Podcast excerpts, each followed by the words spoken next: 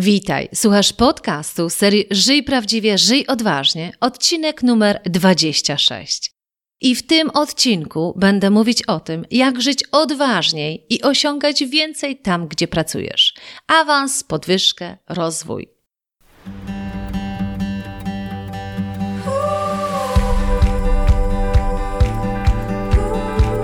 Witaj w serii podcastów Żyj prawdziwie, żyj odważnie. Ja nazywam się Ela Krokosz i od 20 lat zajmuję się tym, co jest moją pasją rozwojem potencjału ludzi. Dzięki pracy z tysiącami osób w wielu krajach wiem, że w nas jest dużo większy potencjał niż nam się wydaje. Moją rolą jest pomóc ludziom dostrzec ich potencjał, a potem zrobić wszystko, aby go wykorzystali. Prowadzę indywidualne coachingi, szkolenia oraz programy online, w których wykorzystujemy strategię skutecznego zarządzania własnym potencjałem. W podcastach Żyj prawdziwie odważnie znajdziesz inspiracje, wywiady i konkretne rady, jak skutecznie zarządzać Twoim potencjałem, który często też nazywam talentem. Mam nadzieję, że słuchając moich podcastów, wiesz, że moją ogromną misją jest to, aby każdy z nas odnajdywał swoje talenty, swoje wartości i w oparciu o to budował swoją własną ścieżkę. Że tak bardzo właśnie w tych wszystkich działaniach zależy mi na tym, żeby każdy z nas żył prawdziwie i odważnie. I w 2018 roku podjęłam się inicjatywy organizacji ogólnopolskiej konferencji Zarządzaj własnym talentem. Była to konferencja online, w której wzięło udział ponad 2000 osób. I w 2019 roku, czyli teraz, kiedy tego słuchasz, postanowiłam zrobić rzecz następującą. A mianowicie postanowiłam udostępnić każdemu z Was nagrania, które były właśnie z tej konferencji. Dlatego, że opinie na temat tych nagrań były tak fantastyczne, że aż żal trzymać to w szufladzie. Dlatego też to, co będziesz słuchać przez kolejnych kilka edycji tego podcastu, to są właśnie wywiady z konferencji Zarządzaj własnym talentem. Przed nami kolejny odcinek podcastu konferencyjnego z konferencji Zarządzaj własnym talentem, odcinek numer 26.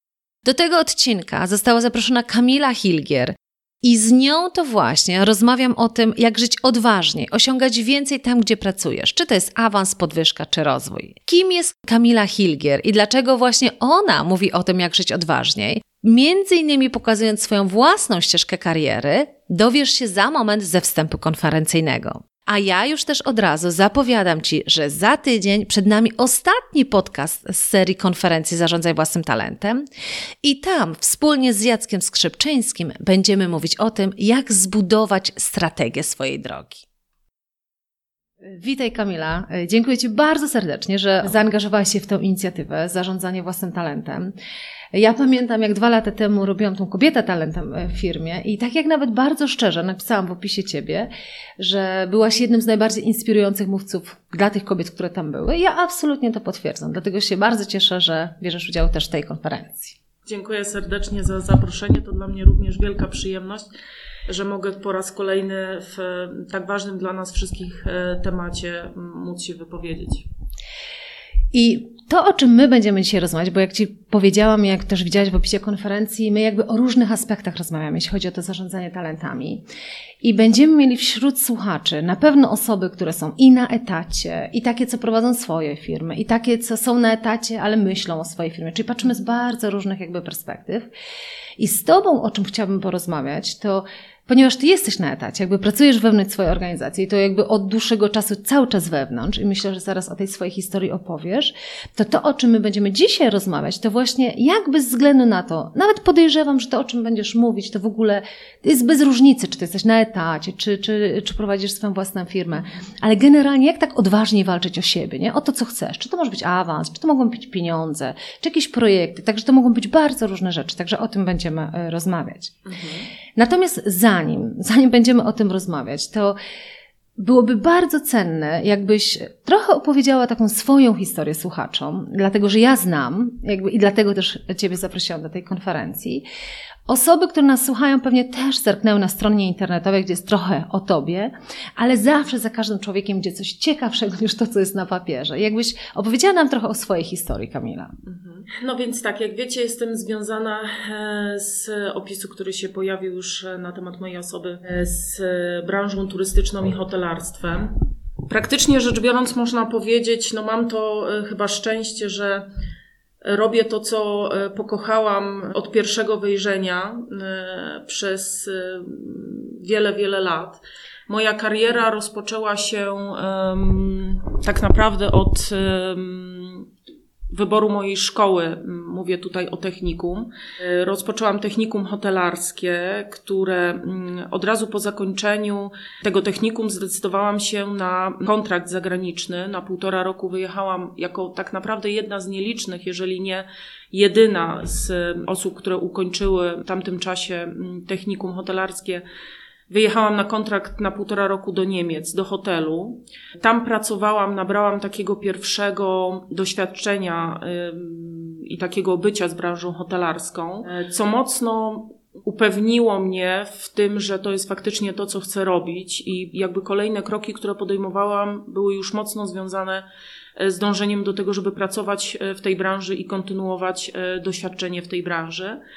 Potem pojawiła się, e, mm, oczywiście po tym kontrakcie, który trwał półtora roku, ja jednak chciałam wrócić e, do kraju, chociaż mogłam tam zostać. E, wróciłam do kraju, pracowałam przez okres prawie trzech lat w Kotlinie Kłodzkiej, prowadziłam pensjonat, można powiedzieć na takim stanowisku trochę hotel menadżera już w dzisiejszych czasach, bo mm, faktycznie ta praca opiewała o Y, i obejmowała wszystkie mm, działy i struktury mm, tego pensjonatu. W międzyczasie ukończyłam, zdecydowałam się i ukończyłam zaocznie e, studia e, turystyczne. I te studia turystyczne tak trochę przekornie rozpoczęłam w Szczecinie, co spowodowało, że e, dojazdy na tyle mnie wykończyły, że zdecydowałam się przenieść w tamte okolice. E, i rozpocząć tam e, równolegle pracę, ponieważ studiowałam zaocznie, mm, nie kolidowało to absolutnie z tym, że mogłam kontynuować swoją karierę, więc otwierałam tam nowo otwierany hotel sieci Accor, hotel Nowotel. Przez kilka lat pracowałam tam na stanowisku asystenta kierownika recepcji. I w tamtym momencie pojawiło się, już byłam w takim wieku i w takim momencie swojego życia, że zaczęłam myśleć mocno o rodzinie, e, czyli o pojawieniu się dzieci. I wraz z mężem doszliśmy do wniosku, że ze względów takich e, no, czysto organizacyjnych i wspierających, wracamy w okolice Dolnego Śląska po to, żeby w niektórych momentach, jeżeli będą one potrzebne i konieczne, oprzeć się trochę na ramieniu naszych rodziców i skorzystać z ich pomocy przy opiece nad dziećmi, kiedy będzie taka potrzeba. I faktycznie to zrobiliśmy. E, powiem szczerze, że najpierw otrzymałam pracę, a dopiero potem tu przyjechałam. Tak to się stało, że jakby ta moja pozycja i moje kompetencje poszły za mną na tyle szybko, że E, kierownik e, recepcji tutaj w Wrocławiu sam zaproponował mi pracę, tak naprawdę na zasadzie rekomendacji, na co przystałam, więc przyjeżdżając tutaj do Wrocławia już miałam pewność e, pracy. W międzyczasie ukończyłam studia magisterskie, no i to, co jest jakby w tej mojej karierze chyba najbardziej kluczowe, to jest ten główny rozwój mojej kariery, który się skoncentrował właśnie na mm, miejscu, w którym jestem aktualnie, czyli hotelu Radisson, bo tak jak zamieściłaś na stronie mm, w opisie ode, o mnie, faktycznie zaczynałam jako recepcjonistka i do tej pory sobie to bardzo chwalę. I muszę powiedzieć, że z perspektywy czasu dało mi to niesamowite kompetencje. E, I myślę, że to był tylko i wyłącznie plus. I tak to należy traktować, że takie drobne kroki czasami w karierze powodują, że nasze kompetencje są coraz większe i ta nasza pewność siebie jest e, taką naszą silną stroną. Więc rozpoczynałam e, pracę tutaj jako recepcjonistka. Potem awansowałam na zastępca kierownika recepcji. W tamtym czasie urodziłam swoje pierwsze dziecko, Martynkę, która ma teraz lat 12. Niedługo po powrocie do pracy e, dostałam propozycję pracy przejścia do działu rezerwacji. W dziale rezerwacji piastowałam stanowisko zastępcę kierownika rezerwacji. Potem przez pewien czas piastowałam stanowisko kierownika kontroli przychodów i z tamtej pozycji rozpoczęłam tak naprawdę swoją przygodę ze sprzedażą, z działem sprzedaży, bo najpierw jako kierownik działu sprzedaży, potem starszy kierownik sprzedaży. Jako starszy kierownik sprzedaży był, miałam taką, taki epizod krótki, krótkiej nieobecności, bo urodziłam swoje drugie dziecko, Tomka, który teraz ma lat pięć. Wróciłam do pracy i po powrocie do pracy, niedługo po tym jak wróciłam e, do pracy, w przeciągu tak naprawdę roku objęłam stanowisko dyrektora sprzedaży. Jestem na nim od roku 2014 e, do dziś.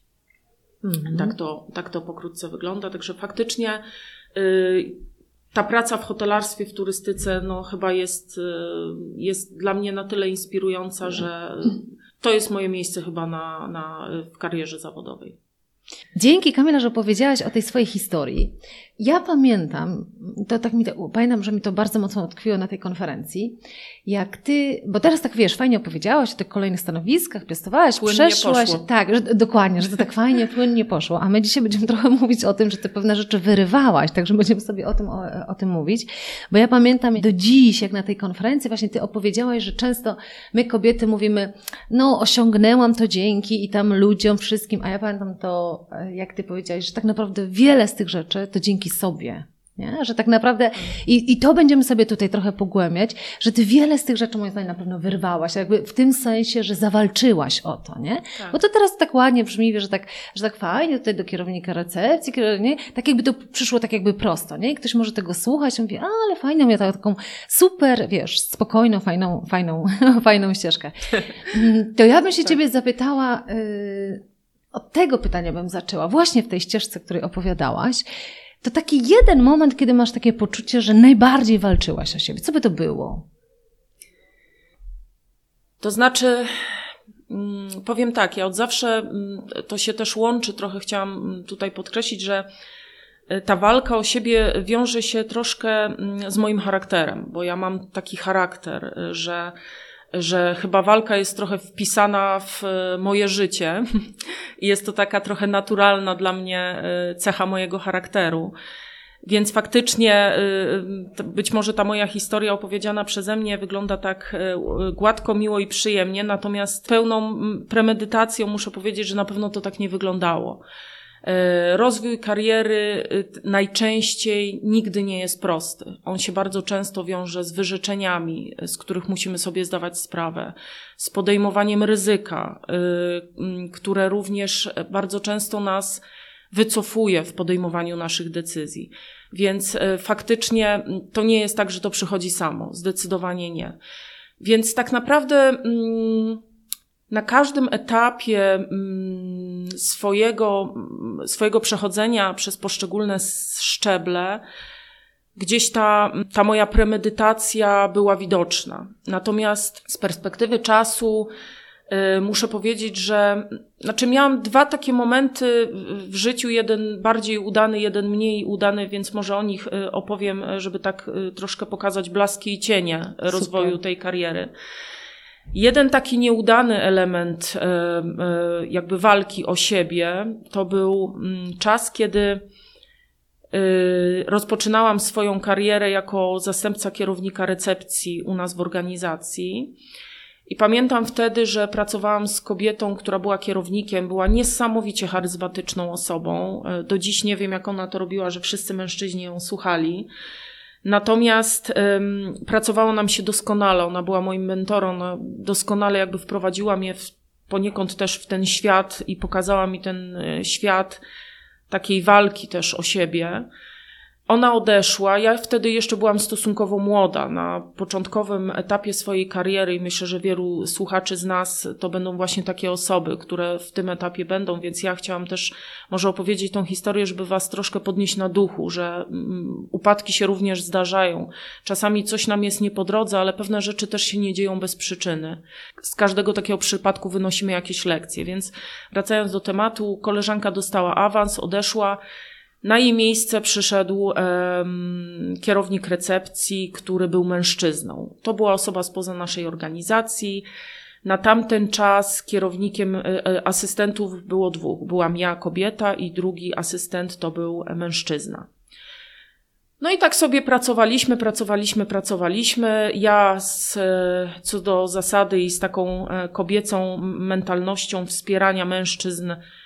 E, wspierania ludzi w ogóle, nie? Bo wspierania ludzi, tak. tak. E, mhm. No tak, może tak, to może źle, źle zabrzmiało, ale w tym kontekście wspierania konkretnie mężczyzn Y, byłam taka bardzo wspierająca, y, pracująca i tak dalej, i jakby kontynuująca cele wyznaczone przez kierownika. Kiedy on odchodził, pojawiła się możliwość objęcia tego stanowiska. Oczywiście tutaj wykazałam się walką o siebie i odwagą. Aplikowałam na to stanowisko i złożyłam e, aplikację i nie zostałam wybrana nie zostałam wybrana i powiem szczerze, do dziś do końca nie znam argumentacji. I to, co wyniosłam z tamtej lekcji, to to, aby czasami y, pewne tematy zamykać do końca, żeby ubiegać się o zamknięcie tematów, o wyjaśnienia y, i o taką otwartą i szczerą rozmowę. Ja to po prostu wtedy przyjęłam za fakt. Natomiast powiedzmy sobie szczerze, z perspektywy czasu do dziś wiem, że nie chodziło tutaj o kompetencje, tylko o takie mm, czysto męskie wspieranie się wzajemnie. To się często dzieje i to się dzieje również e, w dzisiejszym świecie. Wiem, że nie chcielibyśmy o tym rozmawiać i nie chcielibyśmy jakby traktować to jako problem. Natomiast myślę, że warto zdać sobie sprawę z tego, że mężczyźni się bardzo mocno wspierają. E, to jest fajne mają do, do siebie takie duże poczucie, mm, dla siebie takie duże poczucie zaufania, takiego, na, takich naturalnych wyborów. Natomiast kobieta jest bardzo dobra do tego, żeby wspierać ich i wspomagać w osiąganiu właśnie tych celów, więc dobrze, jak ona jest taką szarą eminencją, która mm, jakby pomaga faktycznie te, te cele y, osiągać.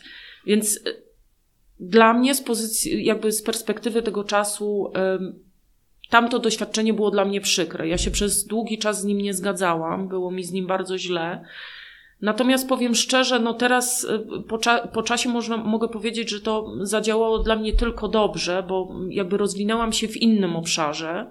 To spowodowało, że ja bardziej mm, skoncentrowałam się na przejściu do innego działu niż kontynuację pracy w dziale, w którym widziałam, że dla mnie mm, jakby roli już nie ma, albo nie widziałam jej E, tak, jakbym sobie to wyobrażała. No i dzięki temu, to jest, e, to jest ten plus, który wyniosłam z tamtej sytuacji, to to, że, że faktycznie otworzyły mi się inne drzwi, z który, które otworzyłam, z których skorzystałam i w które weszłam. I tam się pojawiła sytuacja numer dwa. A zanim przejdziesz do sytuacji mhm. numer dwa, jeśli pozwolisz, powiedziałaś coś takiego, że to, co wyniosłeś z tamtej sytuacji, to to, że pewne rzeczy w sytuacji szczególnie porażek, nie? To była pewnego rodzaju mhm. porażka, trzeba to domykać. To gdybyś popatrzyła na to, na czym polegałoby to domknięcie tamtej sytuacji? Co powinnaś zrobić, gdybyś, gdybyś domknęła tamtą sytuację w, tam, tamtej sytuacji? To znaczy powiem, co zrobiłabym dziś już ze swoim doświadczeniem ym, i w, w tak, ze swoim doświadczeniem i z, jakby z aktualnymi mm, kompetencjami, które posiadam i jakby umiejętnością zamykania właśnie tych tematów, to co powinnam była na tamten e, czas zrobić, to poprosić o rozmowę. Poprosić o rozmowę, e, ale rozmowę nie na zasadzie, bo rozmowa się odbyła, nie, wybrałem innego kandydata, dziękuję i ta rozmowa nie powinna była się tak zakończyć. Ja powinnam była wtedy zapytać konkretnie, jakie były przyczyny, dla jakich ja nie zostałam wybrana.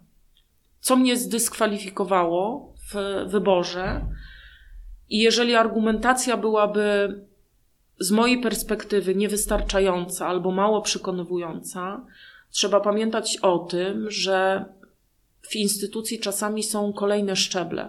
Mamy działy y, kadr, mamy dział HR, mamy ostatecznie dyrektorów poszczególnych pionów, z którymi możemy na ten temat rozmawiać. Ja tego nie zrobiłam. I zastanawiam się, czy gdybym wtedy nie podniosła tej dyskusji, to ta rekrutacja nie skończyłaby się inaczej. Myślę, że może tak. Mm-hmm. To jest fajne, bo to, jakby, to, o czym za moment opowiesz, nie? Tak jak powiedziałaś, jakby zawsze coś jest po coś, nie? Czy jakby z każdej sytuacji można wynieść e, coś pozytywnego i ty jakby otworzyłaś inne drzwi.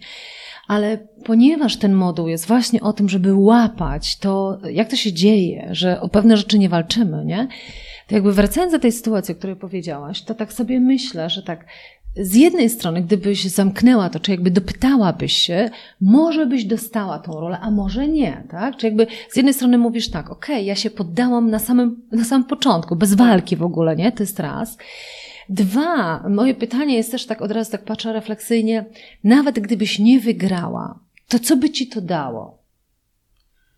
Ja wiem, co mi to dało, y, bo nie wygrałam mhm. i wiem, co mi to dało, więc pracowałam przez jakiś okres czasu z takim poczuciem, że nie zostałam oceniona obiektywnie.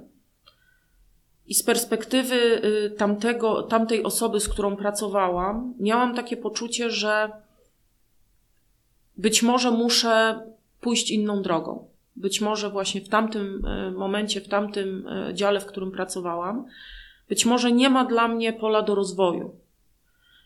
I jakby zadałam sobie któregoś razu takie pytanie: co będzie, jak tam zostaniesz?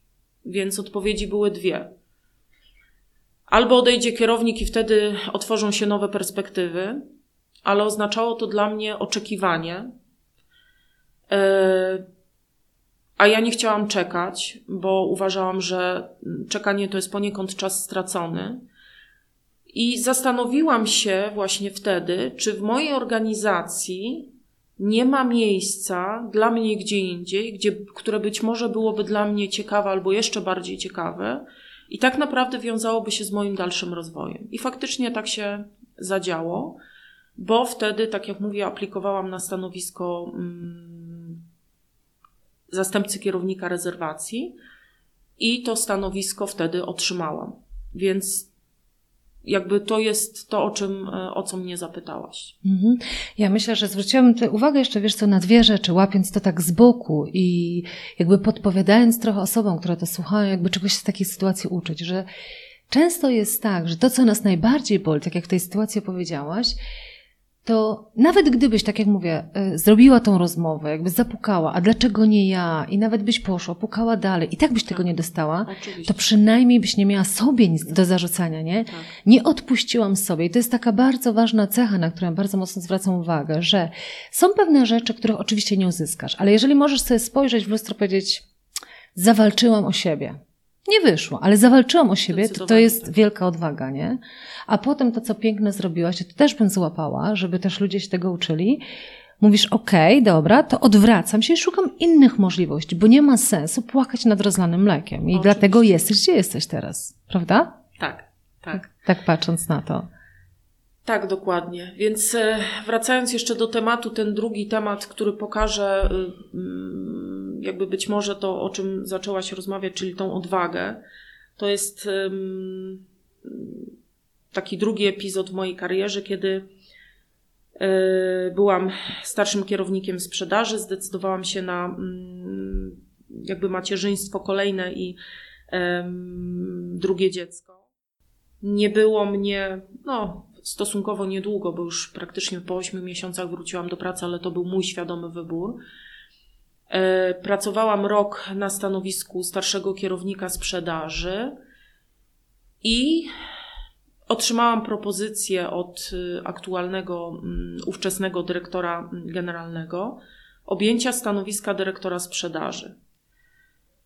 I teraz to, co się zadziało w mojej głowie, to jest to chyba, o czym warto mm, powiedzieć, bo myślę, że wiele mm, głównie kobiet jest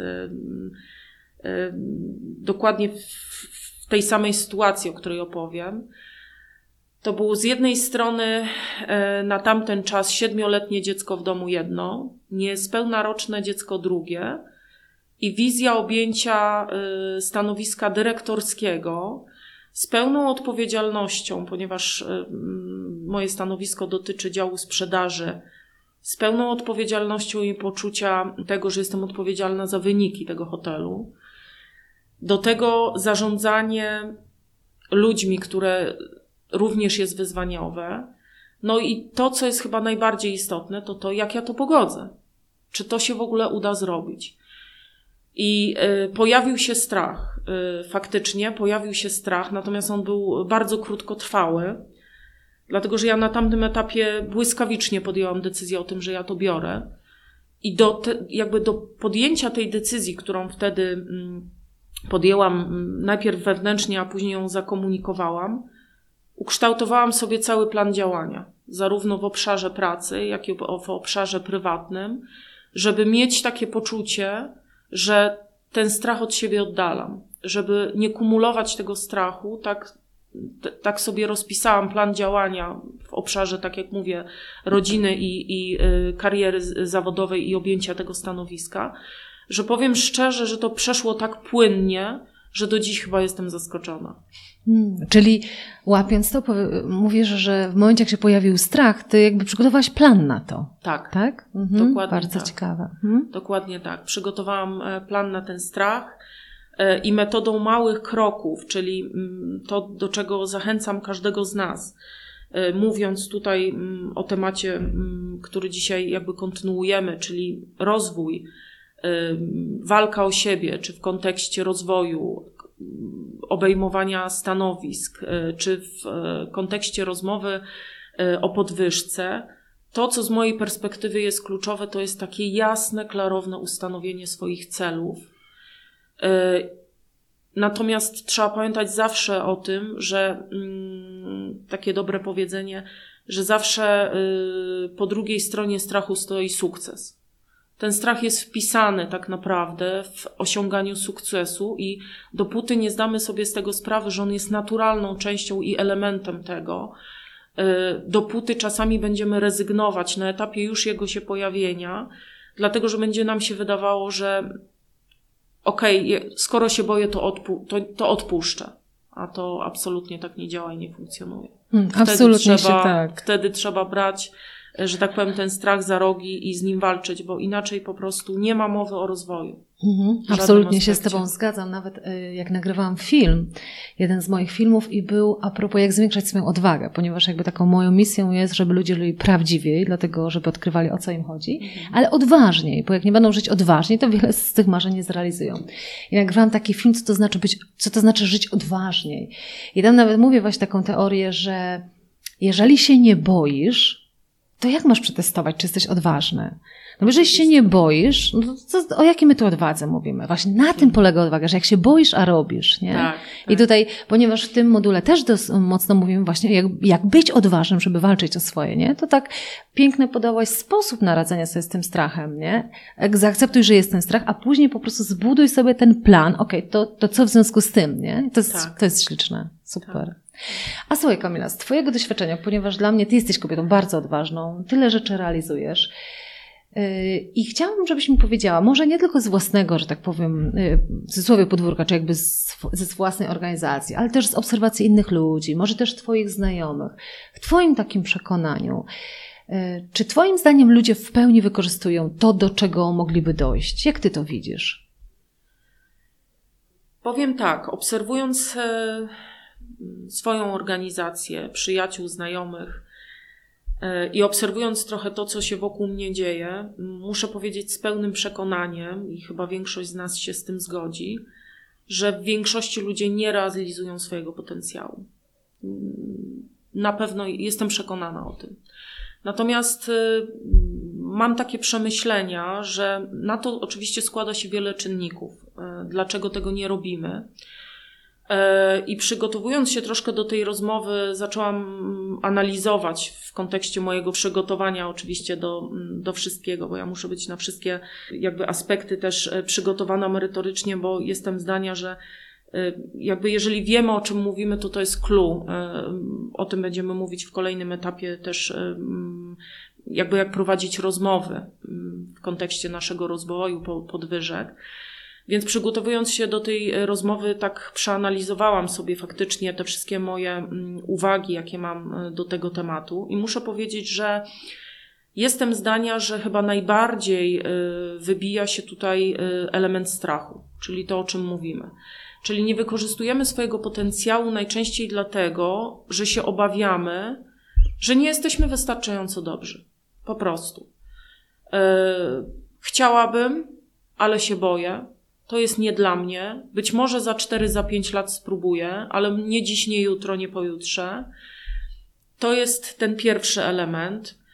Drugi element to jest to, że mm, to często cechuje mm, kobiety, powiedzmy sobie to chyba szczerze i odważnie, że my jako kobiety mamy taki, takie poczucie, że jak będziemy pracowały ciężko, dobrze, mozolnie, skrupulatnie, to inni nas dostrzegą i nam to po prostu zaproponują. To się nie dzieje absolutnie.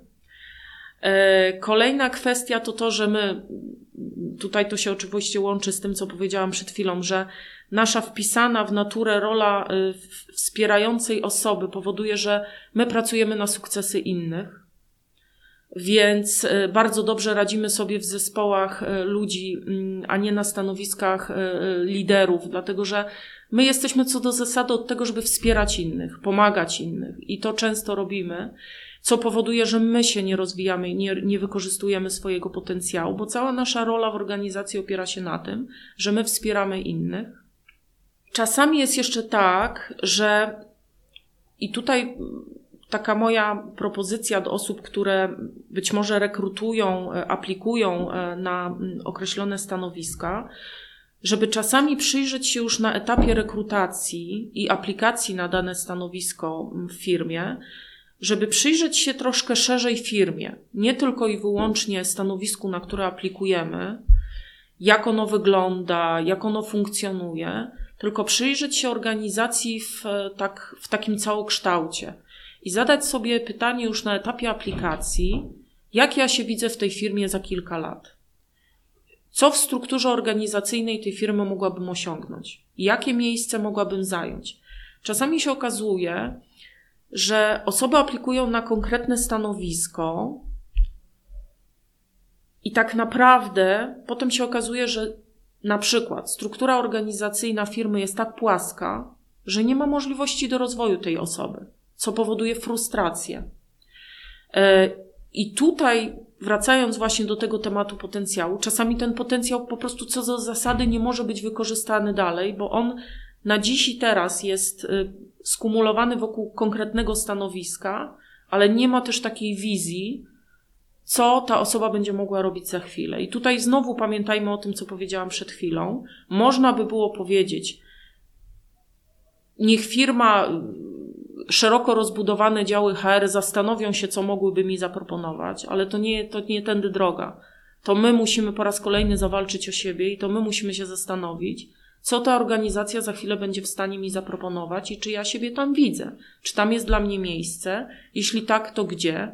A jeżeli nie, to po raz kolejny mówię o tym planie, zastanowić się, jaki będzie kolejny etap mojej e, kariery i mojej ścieżki. Więc to jest też taka właśnie takie zderzenie, że w pewnym momencie ten wykorzystywanie tego potencjału się kończy, bo nie ma możliwości.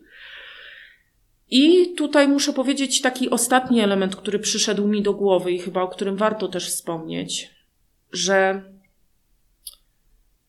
z mojej perspektywy i obserwacji takiej szerokiej yy, i rozmów z różnymi firmami i znajomymi z różnych organizacji, często jest trochę tak, że faktycznie w firmach e, jest brak liderów.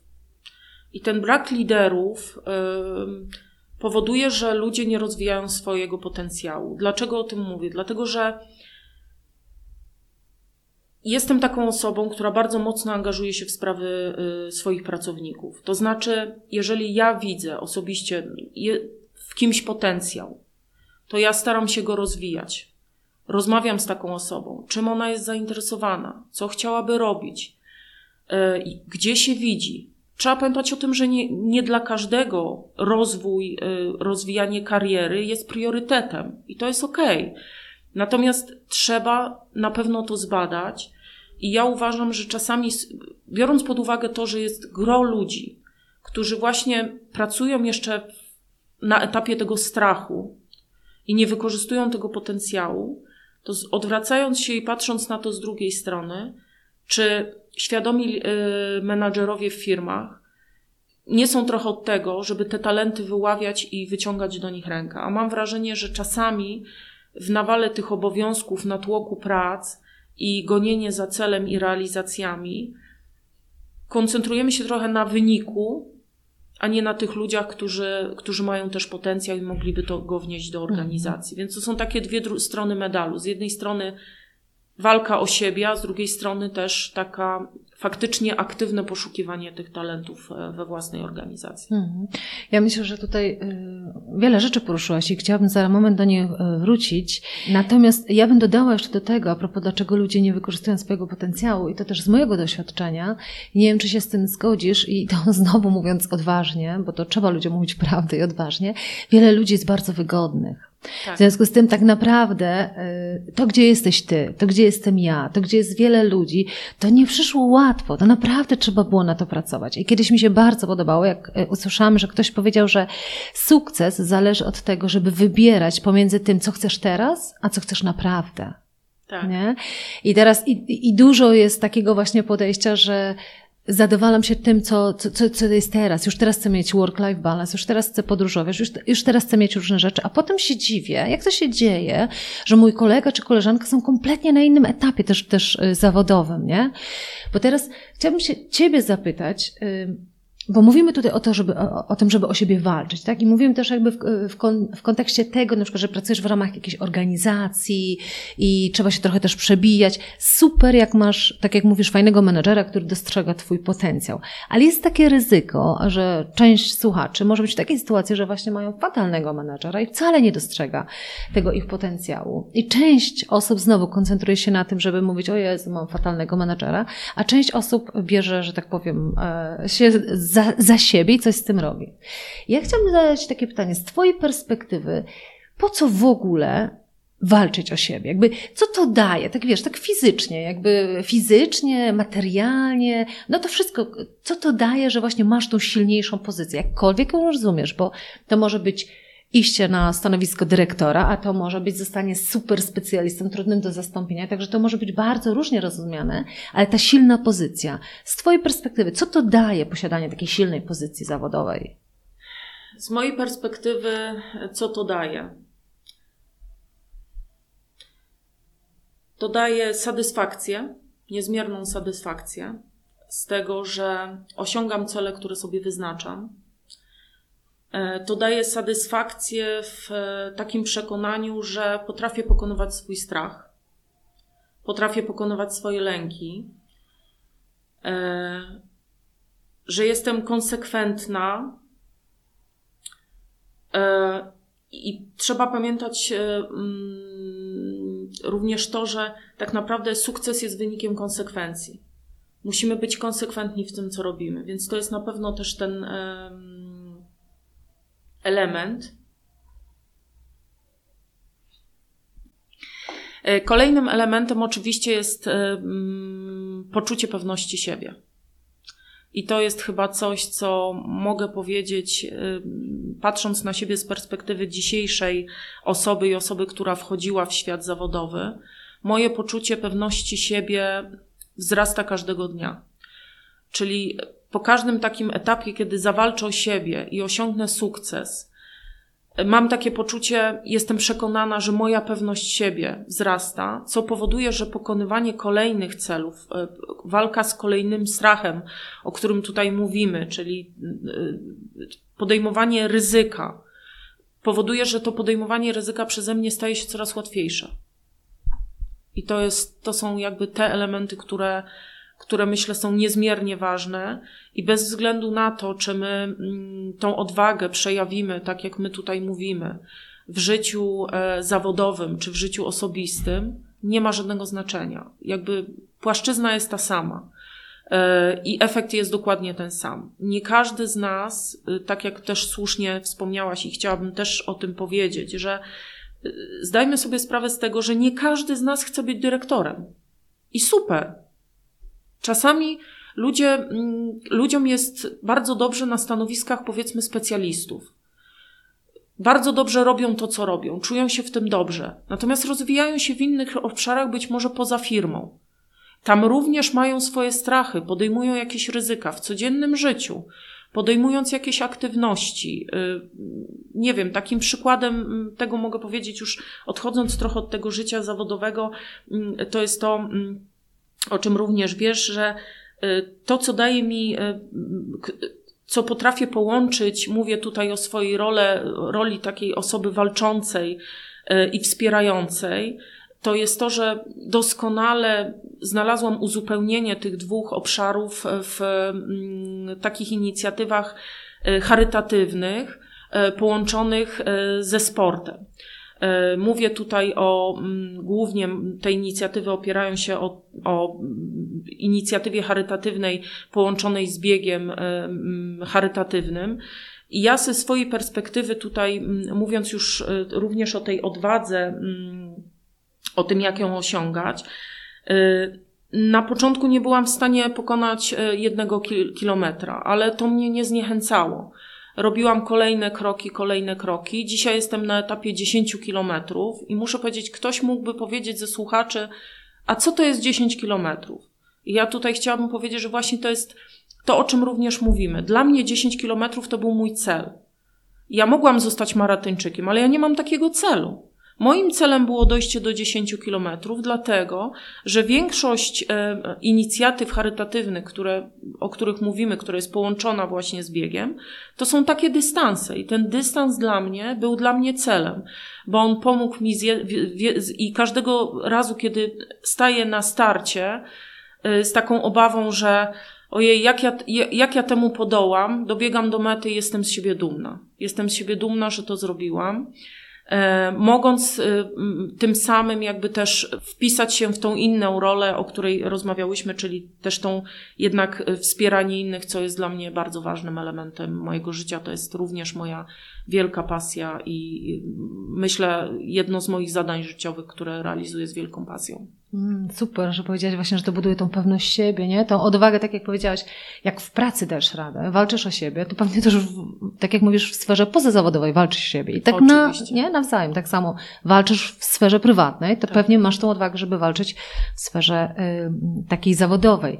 Ja czasami lubię dodawać, tak przewrotnie albo nie przewrotnie, tylko odważnie, że jeżeli masz silną pozycję zawodową, to dostajesz też jeszcze dwie dodatkowe rzeczy.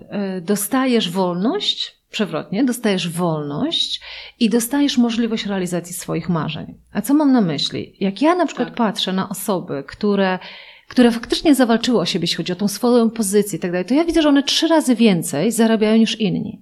A jak zarabiasz trzy razy więcej, i nie bójmy się o tym powiedzieć, my z Dominiką Nawrocką, która zajmuje się promowaniem tej kobiety i pieniądze, żebyśmy nie bały się mówić o pieniądzach, to tak naprawdę mówimy o tym, że jak, jak, masz silniejszą pozycję zawodową, to dużo więcej też zarabiasz. W związku z tym możesz mieć więcej też finansów na realizację swoich marzeń, tak? Bo to wszystko chodzi o to, jeżeli chodzi ci tylko i wyłącznie o zarabianie, większy status, większe konto, no to to jest inny cel. Natomiast jeżeli sobie mówisz, marzę o tym, żeby zwiedzić świat, i po to mam silniejszą pozycję zawodową, żeby po pierwsze mieć na to fundusze, a po drugie, co ja mówię, że daje wolność przewrotnie, bo jeżeli ja się czuję dobry w tym, co robię i ja wiem, że firmy z chęcią by mnie zatrudniły, to Boże, co to jest za, za możliwość wyboru? Dzisiaj tu, jutro tam. E, chcę pracować nad takim projektem. Jeżeli w tej organizacji nie ma takich możliwości, to być może stworzą dla mnie te możliwości, dlatego że jestem dla nich na tyle ważnym człowiekiem, że jakby ja też współtworzę tak naprawdę to, czym się chcę zajmować, nie? Czyli jakby chciałabym, żeby też słuchacze trochę na to tak popatrzyli, nie? Że to, to budowanie tej swojej silnej pozycji zawodowej, to, to, to dbanie odważnie o siebie, to jest właśnie ta umiejętność budowania w swoim życiu możliwości realizacji marzeń później i możliwości dokonywania wyborów, jakby posiadania wpływu na to, czym się zajmujemy, nie? Tak, zdecydowanie to, co powiedziałaś to poczucie pewności siebie w tym, w tym aspekcie też finansowym, e, no na pewno jest kluczowe. Mhm. Otwiera szerokie horyzonty e, i na pewno jest no, kolejnym elementem, który należałoby dodać do tej listy, o której mhm. mówiłyśmy. A teraz wróćmy do tego tematu, bo to też właśnie nawiązuje do tego, co wcześniej powiedziałaś o tym potencjale, nie? Bo mówimy też o tym trochę dla słuchaczy, którzy, którzy się zastanawiają, jak ja się może, mogę mocniej przebijać w ramach mojej organizacji. To ty, z perspektywy jakby swojej roli, swojego zespołu, to co dla ciebie ludzie muszą robić, jacy muszą być, jakie muszą mieć, nie może cechy, jakkolwiek to nazwać, żebyś powiedziała, wow, to jest człowiek, którego, że tak powiem, chciałabym zainwestować. No, zaczyna mieć coraz silniejszą pozycję zawodową. Na co zwracasz uwagę? Na co zwracam uwagę? Hmm. Przede wszystkim zwracam uwagę na konsekwencje tej osoby w działaniu.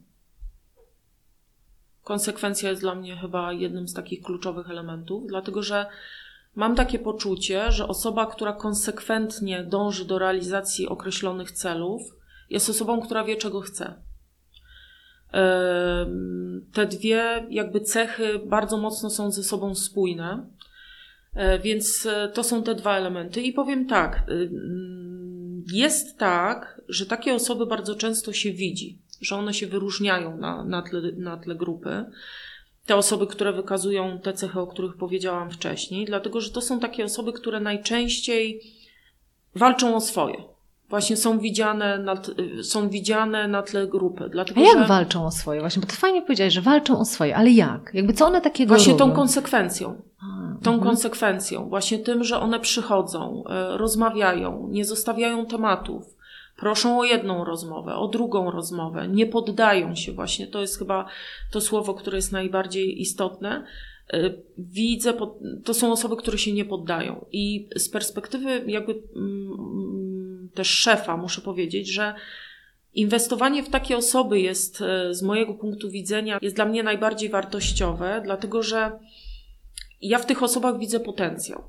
Trzeba zawsze pamiętać o tym, że ja jako przełożony realizuję własne cele. Realizuję własne cele również przy pomocy ludzi, z którymi pracuję. Więc realizując własne cele, chcę się otaczać ludźmi, którzy realizują własne cele tak samo jak i ja. I ja widzę w nich osoby, które mnie wesprą w, w tym. I myślę, że to jest takie najbardziej kluczowe. Po prostu konsekwencja, to o czym rozmawiałyśmy, to, że mm, obserwując takie osoby w codziennej pracy, Czasami widać, że one nawet taką metodą małych kroków e, potrafią w pewnych aspektach pokonywać swój strach. Widać, że czasami pewne zadania na pierwszy rzut oka być może wydawałyby się dla nich takie wyzwaniowe, ale one je podejmują. Czasami, jeżeli obawiają się te, te, te zadania podjąć, to przychodzą, konsultują to i mają też odwagę przyjść to skonsultować, albo odważnie powiedzieć: słuchaj, to zadanie jest dla mnie za trudne. Natomiast osoby, które nie mówią nic, tak kolokwialnie mówiąc, siedzą i robią swoją robotę, to poniekąd z mojej perspektywy dla mnie nie są widzialne, e, a po drugie, nie widzę w tych osobach, znaczy, mam takie wrażenie, że tym osobom nie zależy poniekąd. Więc jeżeli ktoś jest taki waleczny i pokazuje jakby całą sobą, że zależy mu na tym, żeby osiągać swoje cele, to naprawdę wszyscy dookoła to widzą. I takie osoby są widoczne w organizacjach najczęściej. Ale super to powiedziałeś, zobacz, bo to. Yy że nie, bo, bo, niektórzy mogą robić to, o czym też na samym początku mówiłaś. Siedzieć cicho, robić bardzo dobrze swoje, czekając, aż, aż ich ktoś dostrzeże, tak. a tak naprawdę ty pokazałeś, że to jest odbierane. Widać, że ci nie zależy. Zobacz, jakie to jest ciekawe, nie? Że jakby robią swoje, robią całkiem dobrze, ale właśnie brakuje im tego czegoś, właśnie tej waleczności, tego wychodzenia z inicjatywą, tego czasami pukania częściej niż normalnie, żeby powiedzieć o nich, o, tym to zależy, nie? Tak. To y, Kamila, jakby ty będąc w tych butach właśnie szefa, nie? Y, gdybyś mogła powiedzieć ludziom, na czym dla ciebie, i to może być takie bardzo intuicyjne i jakby subiektywne, ale na czym dla ciebie polega ta różnica, wiesz, pomiędzy byciem aż agresywnym, wiesz, w tej swojej waleczności, a pomiędzy robieniem tego dobrze, jeśli chodzi o takie promowanie siebie, wiesz, takie realizacja swoich własnych celów, pukanie w twoje drzwi, jakby gdzie dla ciebie jest ta granica? Mhm. Powiem tak, no ja ze swojej perspektywy mm, bardzo dobrze oceniam i czuję się dobrze w towarzystwie takich osób, które widzę, że walczą o siebie. Mm, to jakby absolutnie jest przeze mnie bardzo dobrze odbierane. Natomiast e, dając tutaj już takie konkretne rady z własnej perspektywy, to co ja lubię, a czego nie lubię, i myślę, że chyba wielu z nas się ze mną zgodzi, to jest przygotowanie osoby do każdej z rozmów, które chcą przeprowadzić. To jest podstawa. merytoryczne przygotowanie do każdego tematu, który jest poruszony. E, jeżeli przychodzi, już mm, jakby przekładając to na, na taki grunt, powiedzmy, na konkretnym przykładzie rozmowy o, mm, rozmowy o podwyżce czy rozmowy o awansie. To, co ja mogłabym e, zaproponować takim osobom, a czego, co bym odradzała, Przede wszystkim to jest e, umówienie się na spotkanie. Rozumiem, że struktury pewne i pewne mm, e, jakby firmy w różny sposób to prowadzą, natomiast łapanie szefa w locie albo rozmowa przy okazji, myślę, że nie jest dobrym momentem na rozmowę o tym. Z mojej perspektywy nie jest to dobrze odbierane, powiem szczerze. Proponowałabym się dobrze do takiej rozmowy przygotować. Do każdej rozmowy, która miałaby na celu jakby rozmowę na, na, na własny temat.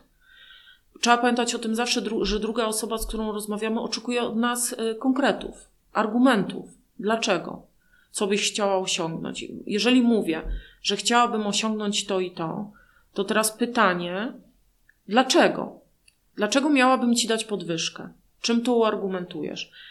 Ja ze swojej perspektywy powiem tak, wypunktowanie tego, nawet jeśli to ma zajmować cztery strony A4, jest dużo lepsze niż e, taka niepoukładana rozmowa z przełożonym na zasadzie, bo ja jestem dobra, bo pracuję tu tyle lat. Naprawdę opierajmy się na argumentach, na konkretnych argumentach. A jaki argument właśnie by do ciebie przemówił? No bo niektórzy ludzie myślą, że to jest faktycznie argument. No pracuję tu już trzy lata, już mi się należy, nie? A jaki argument dla ciebie byłby taki dobry, który myśl faktycznie zasługuje na podwyżkę? No powiem tak, na pewno nie argument, bo pracuję tutaj trzy lata, jest wystarczającym argumentem do tego, żeby dać komuś podwyżkę i myślę, że każdy, kto sobie to przeanalizuje, doskonale się z tym zgodzi. No nie jest to argument. Długość e, pracy w organizacji na pewno nie jest elementem, który e, jakby e, determinuje jakby przełożonego do rozdawania podwyżek. Jeżeli chodzi o podwyżki, E, i rozmowę na przykład o pieniądzach, to dla mnie najistotniejsze są wyniki z mojej perspektywy, czyli jakie do tej pory osiągnęłaś wyniki w ramach firmy, co wniosłaś do firmy na konkretnych przykładach. I tutaj proponuję podawać konkretne przykłady. E, czyli na przykład zrobiłam to i to, wykonałam taki i taki projekt, wykonałam taki i taki projekt, wykonałam taki i taki projekt. Pokażmy to, co wnieśliśmy do organizacji, co było ponad nasze, nasz zakres obowiązków i kompetencji, czyli, czyli też to, czym wyróżniliśmy się dodatkowo i tak bardzo mocno ponad to, czego być może wymagałoby od nas e, stanowisko pracy. Więc Mhm. Jakby to są, moje, to są moje rady do takiego przygotowania się do tej rozmowy. Mhm. I znowu fajnie złapałaś te rzeczy i pozwolę sobie powtórzyć takie dwie szczególne, które zwróciłaś uwagę że jak idziesz i prosisz, czy to o awans, czy to o podwyżkę, czy to o możliwość zaangażowania się w jakiś inny projekt, który Cię interesuje, to jeżeli pracujesz w organizacji, w firmie, to gdzieś zawsze trzeba mieć z tyłu głowy to pytanie, no bardzo brutalne, ale jednak gdzieś organizacja sobie myśli, a co ja mam z tego? Nie? To jakby, I to jest jakby, jak idziesz po jakąkolwiek podwyżkę, to się zastanów, że zaraz z tamtej strony będzie takie pytanie, a co ja mam z tego? I teraz, jeżeli jesteś w stanie właśnie udowodnić, zobacz, jeżeli na przykład, załóżmy, ja zrobiłem to, to i to, to się przyczyniło w taki i taki sposób do rozwoju organizacji, czy osiągnięcia celu i tak dalej, nie? Bo jakby za to, za to tak naprawdę się płaci, nie? To jest, to jest bardzo istotne, nie? Tak, tak. Absolutnie. Znaczy to, co warto by było tutaj dodać we wszystkich e, tych obszarach, o których mówimy, czy rozwoju, czy podwyżki, to, to, co powiedziałaś właśnie przed chwilą. Wyjdźmy też od tego, żeby się postawić w buty osoby, która będzie siedziała lub stała po drugiej stronie i zastanówmy się, co ta osoba chciałaby od nas usłyszeć. I odpowiadając sobie na te pytania, właśnie co ta osoba chciałaby usłyszeć, bo najczęściej to jest to, o czym powiedziałaś przed chwilą. Co ty mi możesz zaproponować? To na tą odpowiedź się po prostu przygotujmy. Przygotujmy się konkretnie i wtedy nic w trakcie takiej rozmowy nas nie, nie zaskoczy. Mhm. A potem, jeżeli już ta rozmowa przebiegnie i jakby te wszystkie elementy, o których mówiłyśmy, zaistnieją, to pamiętajmy też o takim ostatnim elemencie tej e, układanki, czyli zamknięciu tematu. To jest ten case, o którym rozmawiałyśmy, moja pierwsza, mhm. pierwsza taka porażka zawodowa zamykajmy tematy. Y, jeżeli okazuje się, że dostajemy odpowiedź negatywną, to pamiętajmy zawsze, że mamy prawo zapytać, dlaczego nie. Dlaczego nie i czy, czy mogłabyś mi powiedzieć, co musiałabym jeszcze zrobić, żeby ewentualnie czy osiągnąć awans, czy osiągnąć rozwój, czy osiągnąć podwyżkę. Co, jak, czym musiałabym się jeszcze wykazać? I zwróćcie uwagę na to, że absolutnie nie jest to, mm, to jest też to pytanie, które zadałaś na początku, jak y, rozmawiać, żeby mm, nie być odebranym agresywnie. Właśnie najczęściej odbierane e, agresywnie, albo jeżeli sobie z czymś nie radzimy, to taką naturalną e, kwestią jest, że my reagujemy agresywnie. E, czyli nie dał mi podwyżki, nie awansował mnie, a ten niedobry szef. I wtedy trzeba sobie zadać pytanie, czy jak usłyszałaś słowo nie, to jakby weszliśmy właśnie w to, o czym tutaj mówimy. Ten strach powstrzymał nas przed dalszym działaniem i zatrzymaliśmy się na tym etapie. Boję się, więc nic z tym nie zrobię, wyładuję swoją frustrację i na tym się skończy temat. I tutaj już na tym etapie trzeba powiedzieć co otwarcie, że jesteśmy na etapie porażki. Czy tak czysto obiektywnie analizujemy sprawy i to, co też oczywiście polecam, żebyśmy nie działali na gorąco, tylko wyszli z, z takim poczuciem, ok, ja sobie to przemyślę, przeanalizuję, wrócę do tego. Umówili się na kolejną rozmowę i przeprowadzili ją dokładnie w taki sposób, o którym przed chwilą wspomniałam, czyli nie na zasadzie agresji, frustracji czy władowania, ale dalej pracy na argumentach i takiego spokojnego mm, argumentowania i y, zapytania tej drugiej osoby, czego od nas w takim układzie oczekuje, żebyśmy my mogli nadal realizować siebie, bo trzeba pamiętać, że te osoby, które są naszymi przełożonymi, powinny nas wspierać, bo takie też jest nasze oczekiwanie, że nasi liderzy będą nas wspierali i my o to możemy poprosić, możemy o to zapytać, tylko róbmy to w sposób umiejętny i rzeczowy, a nie argumentując to właśnie agresją i negatywnym nastawieniem. Mhm. I znowu te właśnie te, te dwa praktyczne pytania, które naprawdę fajnie, żeby każdy sobie zapamiętał, że że jak idziesz i na przykład chcesz być zaangażowanym w jakiś projekt, to przede wszystkim zastanów się, w jaki sposób uargumentować, że ta osoba zyska na tym, że ty będziesz w tym projekcie zaangażowany. Albo że organizacja zyska, a nie, że bo ja tak czasami słyszę, jak ludzie na przykład mówią, wiesz, bo jak ja wejdę w ten projekt, dla mnie to będzie takie ciekawe, takie kreatywne, coś nowego. A tam z drugiej strony siedzi organizacja, czy jakby no szef, który reprezentuje organizację, mówi, bardzo się cieszę, że chcesz się rozwijać, pracować różnorodnie, ale co my z tego będziemy mieli? Bo Oczywiście. ostatecznie my przecież tobie płacimy. Tak. I teraz to jest tylko i wyłącznie ta umiejętność odwrócenia tego i pokazania tej korzyści. Zobacz, jak dacie mi ten projekt, patrzcie, co ja mogę dla was zrobić, nie? I to jest, to jest, tak. to jest bardzo fajne. A drugie, które mi się bardzo podobało, co powiedziałaś i chciałabym to jeszcze raz podkreślić, że jeżeli właśnie nie dostałeś tej podwyżki, to, to pytanie, co powiedziałaś, to powiedz mi, co mogę zrobić, żeby następnym razem ją dostać? Bo wtedy to jest taki układ fair, tak? To nie jest tak. takie małe dziecko, łe, nie dostałam podwyżki, tak? Tylko to jest takie jakby granie, granie fair, nie? Na zasadzie, okej, okay, dobrze, rozumiem, że twoim zdaniem teraz nie zasługuję na podwyżkę, to co w takim razie powinnam zrobić? Bo to jest też trochę coś, na co się umawiamy, bo jak ja to zrobię, to ty też jesteś bardziej zobligowana, żebyśmy jakby ustalili i dotrzymali tego, tego słowa. Zdecydowanie. Mam jeszcze takie pytanie do Ciebie, Kamila, bo mówimy dużo o tym, budowanie tego swojej, taki, takiego swojego potencjału, pokazywanie, nie tylko siedzenie w kącie. I to było jedno z pytań, które też zadał Ci ktoś, e, kiedy e, poprosiłam, e, żeby zadali pytania, które mają do Ciebie i je tutaj przynoszę.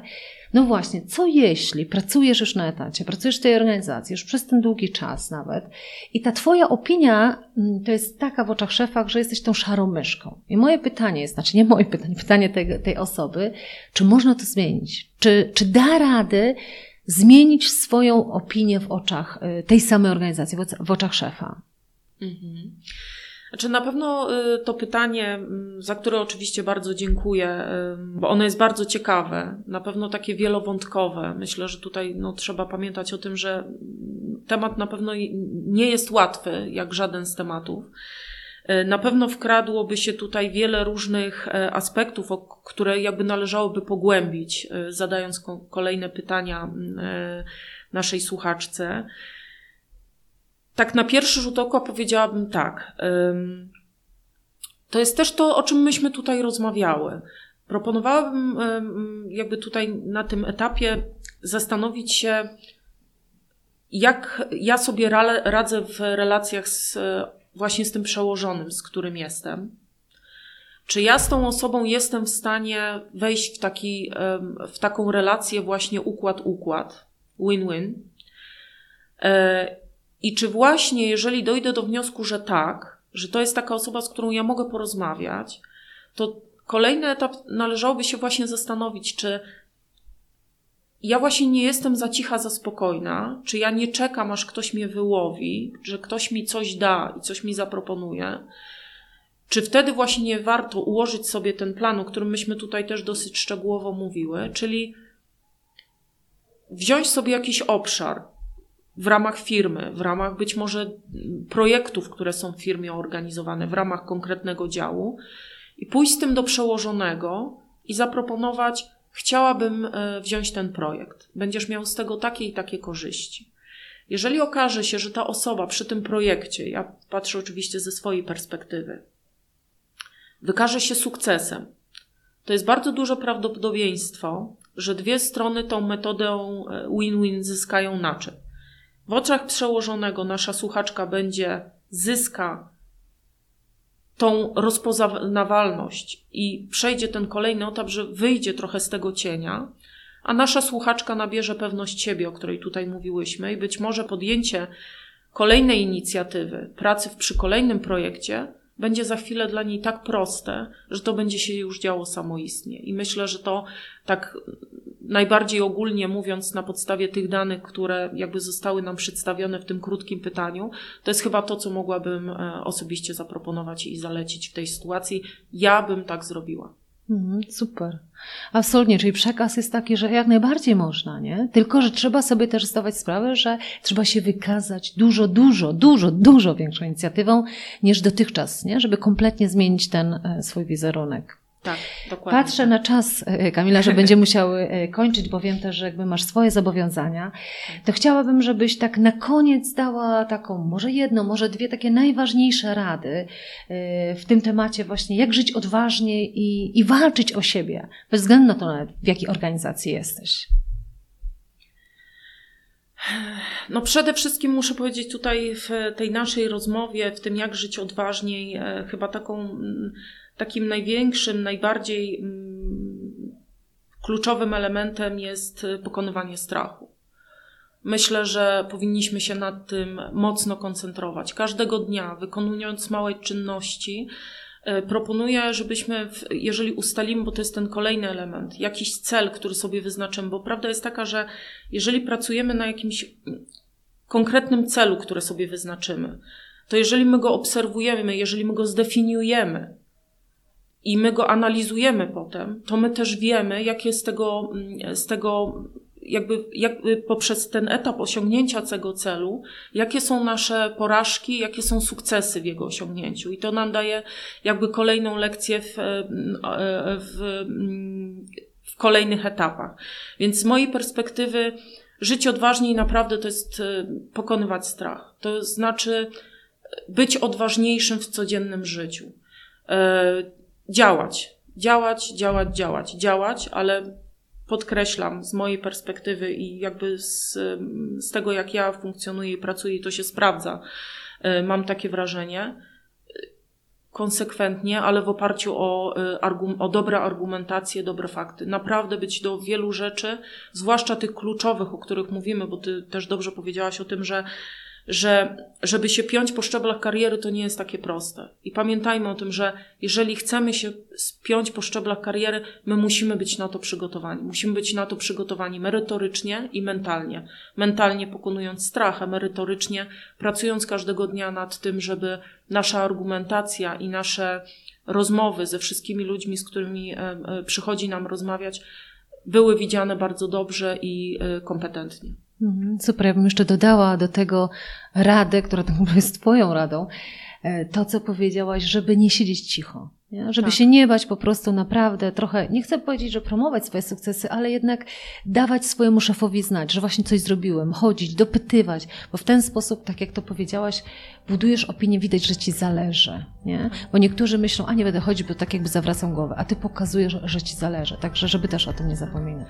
No i ostatnia rzecz, która chyba warto, żebyśmy też o tym jednak przypomniały, że w kontekście tego, o czym mówiłaś, że y, y, jeżeli mamy swoje sukcesy, to mówmy, że one są nasze. Otwarcie, mówmy, że one są nasze, absolutnie nie przypisujmy ich innym, nawet jeśli ktoś brał w tym udział.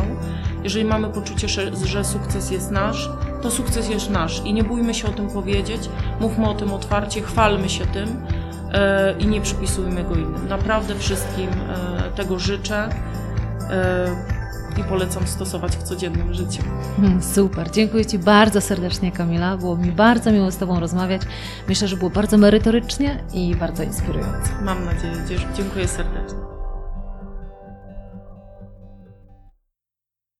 I już za tydzień zapraszam Cię do ostatniego podcastu z serii konferencji Zarządzaj Własnym Talentem.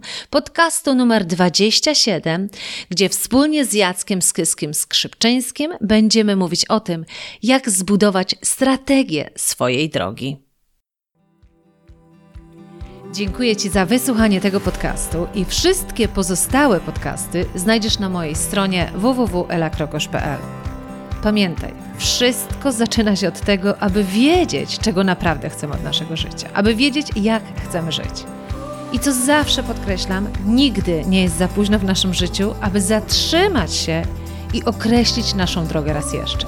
Jeśli potrzebujesz w tym pomocy, przygotowałam dla Ciebie kurs online Odkryj, co chcesz robić w życiu i zbuduj swój plan.